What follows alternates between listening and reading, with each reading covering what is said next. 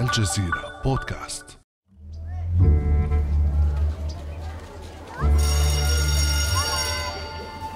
بعد أشهر من إغلاق حرم ملايين الطلاب من الالتحاق بمقاعد الدراسة لن تكون العودة طبيعية هذه المرة. فقد حولت الملصقات والإشارات الملونة ساحات المؤسسات التعليمية إلى ممرات ضيقة تقيد الحركة. وانتشر الجل المعقم في كل مكان وعلقت على الجدران لافتات تذكر بغسل الأيدي وبضرورة ارتداء الكمامات.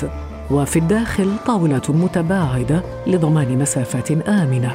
أما في الخارج فلا مكان للازدحام وعلى الطلاب ابتكار طرق جديدة للمصافحة بعد أن حالت الشاشات دون لقائهم. فهل تفقد هذه الأجواء الاستثنائية الطلاب حماسة التعلم؟ وهل مكنت منظومة التعلم عن بعد الدول العربية من إنقاذ السنة الدراسية؟ وما مستقبل التعليم في عصر التحول الرقمي؟ بعد أمس من الجزيرة بودكاست أنا خديجة بن جنة.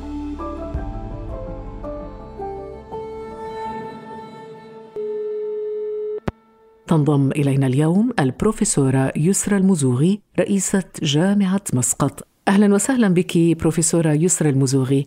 أهلا وسهلا بك أستاذة خديجة. ويشرفني أن أكون معكم اليوم في بودكاست بعد أمس. الله يخليك ونسعد نحن بك.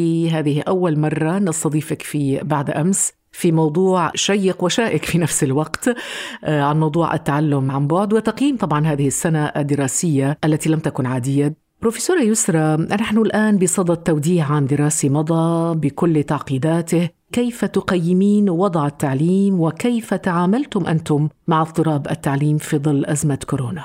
بالنسبة للتعليم تحديدا أول مرة يكون المؤسسات التعليمية أغلبها مقفلة أبوابها للطلبة يعني بالنسبة للدول حوالي 190 دولة بما يعادل تقريبا دول العالم بأكمله أقفلت أبواب المدارس والجامعات على الطلاب وإحصائيات اليونسكو تدل على حوالي 1.9 مليار طفل وشاب لم يكملوا العام الدراسي بالطريقة المعتادة. هذا طبعا شيء جديد على العالم وصعب التعامل معه. بالنسبة لنا في جامعة مسقط طبعا جامعة مسقط في عاصمة سلطنة عمان تحمل اسم العاصمة جامعة فتية جامعة جديدة مبنية على فكرة مواكبة تطورات العصر.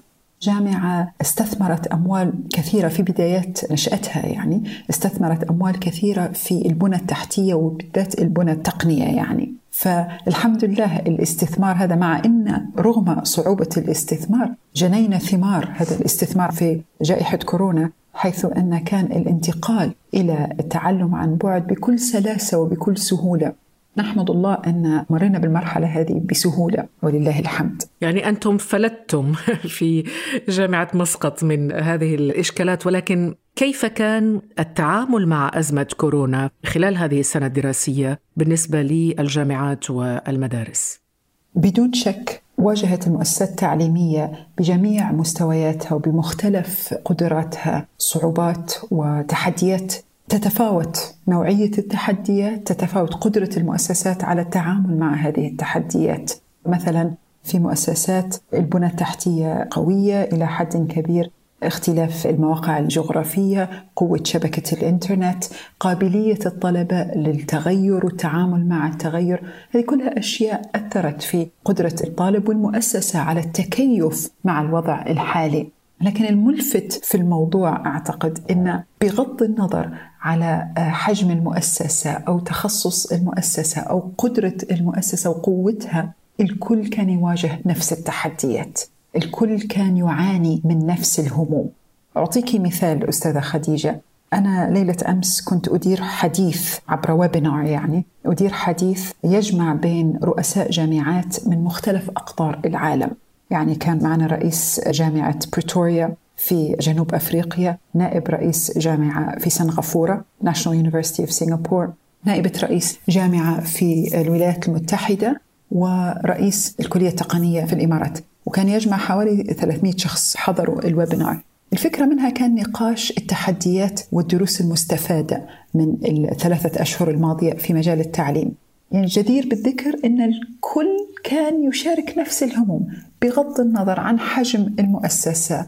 في هناك كان مؤسسات عندها 55 ألف طالب ولها أكثر من 100 سنة قائمة. مؤسسات أخرى حديثة النشأة مثل جامعة مسقط عدد طلاب أقل تخصصات أقل ولكن التحديات في المجمل مشتركة.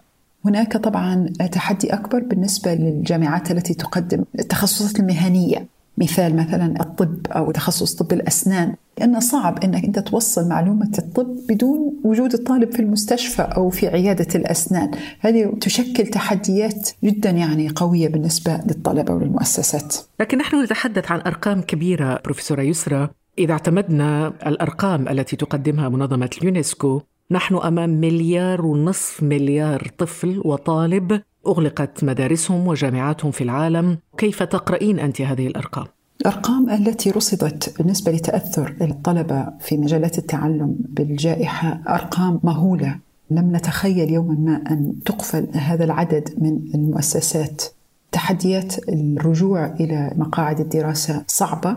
التأثير والموروث الناتج عن هذه الجائحة بالنسبة للتعليم جدا خطير. أعطيك مثال يعني طالب أكمل الصف السادس داخل على الصف السابع لم يكمل المنهج. كيف له أن ينتقل إلى الصف السابع؟ كيف المعلم أو المعلمة أن يبنوا على ما المتوقع أن يكون الطالب حصل عليه في الصف السادس ويستمد في الصف السابع؟ فتحديات كبيرة وعلى جميع المستويات. يعني مثلا إحنا في الجامعات نستقبل طلبة من الثانوية العامة والبكالوريا لم يكملوا المنهج. فهناك توقع أن يكون في حصيلة معينة من المعلومات. تحتاج خطط لمعالجة هذه البادرة يعني.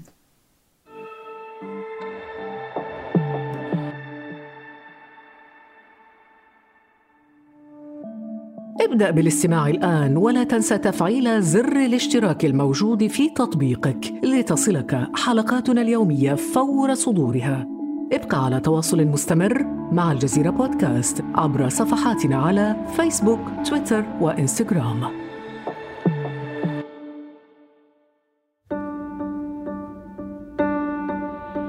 يبدو دكتورة يسرى أن تداعيات الفجوة الرقمية والتفاوت في إمكانيات العائلات والمؤسسات التعليمية ألقت بظلالها على محاولة الخروج من هذه الأزمة بأقل الأضرار. نستمع إلى ما يقوله الطلبة والأولياء والأساتذة. النتائج لم تظهر بعد لذلك مسألة التقييم هي مسألة معلقة لأن الانفتاح على التكنولوجيا في التعليم لن يضر بالتعليم بل بالعكس التعليم عن بعد. هذه المسألة جديدة على المجتمعات العربية. وبحاجة إلى المزيد من التحسينات والتطوير. أنا من بلجيكا. أظن أن الدراسة عن بعد كانت جيدة جدا في بلاد الغربة. أتحدث عن الجزائر بالنسبة لي ما يراه البعض. إنقاذا لسنة دراسية أراه حلولا ترقيعية الطلاب انقطعوا أكثر من شهرين يعني عن التعليم. ترى كيف يكون ذلك الطالب مع بداية السنة الدراسية؟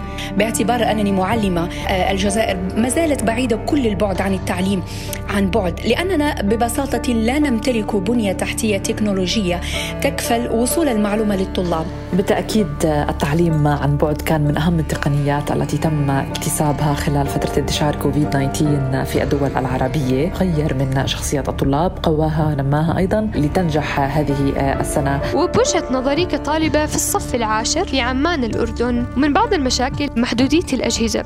فالمستوى المادي لبعض العائلات ما سمح لهم إنهم يمتلكوا أجهزة أكثر. من اللي عندهم. فكان صعب على التلاميذ إنهم يسلموا الاختبارات والمشاريع والواجبات بالإضافة إلى أنه كمية المادة اللي كانت تتصور في الفيديو الواحد كانت هائلة. بس الحمد لله انتهت هاي التجربة على خير وإن شاء الله نرجع لمدارسنا السنة الجاي ونقدر نكمل دروسنا مع معلماتنا ومع صاحباتنا. هذه أمنية أمنية طالبة من الطالبات أن تعود إلى المدرسة أو إلى الجامعة بروفيسورة يسرى بعد الذي عشناه وشفناه وخبرنا من مشاكل خلال هذه السنة مع جائحة كورونا ماذا تتوقعين بالنسبة لدخول المدرسي القادم والجامعي طبعا؟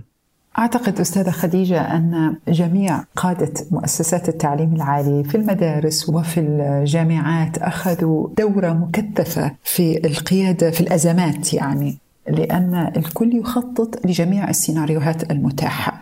الرجوع بشكل معتاد الرجوع للدراسة على الأونلاين معتمدة فقط أو اللي هو آه، ما يسمى بالمدمج ال blended learning اللي هو آه، مزيج ما بين بعض الدروس عبر الإنترنت والبعض الآخر وجها لوجه بالطريقة التقليدية.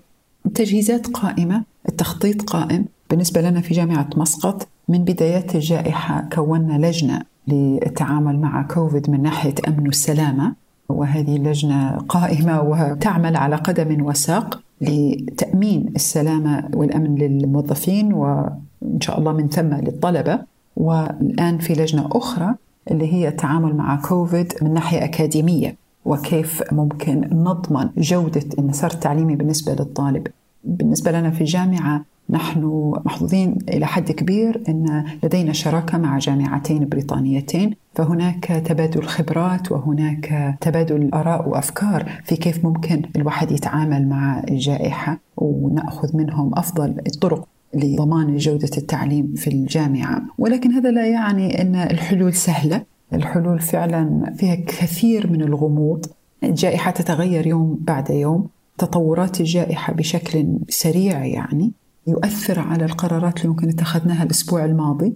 فنأمل نأمل أن نرجع لشيء من اللي كنا نقوم به بطريقة تقليدية. لا نريد أن نرجع إلى الوراء. وأعتقد يعني عندما تطوى صفحة كوفيد أكيد الكل راح يكون تعلم من الجائحة وحيكون في طرق جديدة للتعامل مع التعليم والتعامل مع الطلبة والتعامل مع أنفسنا ومع عائلاتنا. ولكن إلى الآن كل السيناريوهات متاحة. والكل شغال على جميع السيناريوهات. طيب ما هي الإجراءات التي يمكن فعلا أن نتخذها في العالم العربي للتكيف مع حالات الطوارئ مثل أزمة كورونا؟ ولنتحول من التعليم التقليدي إلى التعليم الإلكتروني. نحتاج إلى ماذا في العالم العربي؟ هناك فعلا مبادرات تثلج الصدر فمن الضروري جدا أن ننظر لكيفية نقل تعلم بطريقة مختلفة في مبادرات منها البحوث في الموضوع هذا وفي أموال ترصد للتحري في كيف ممكن يتغير.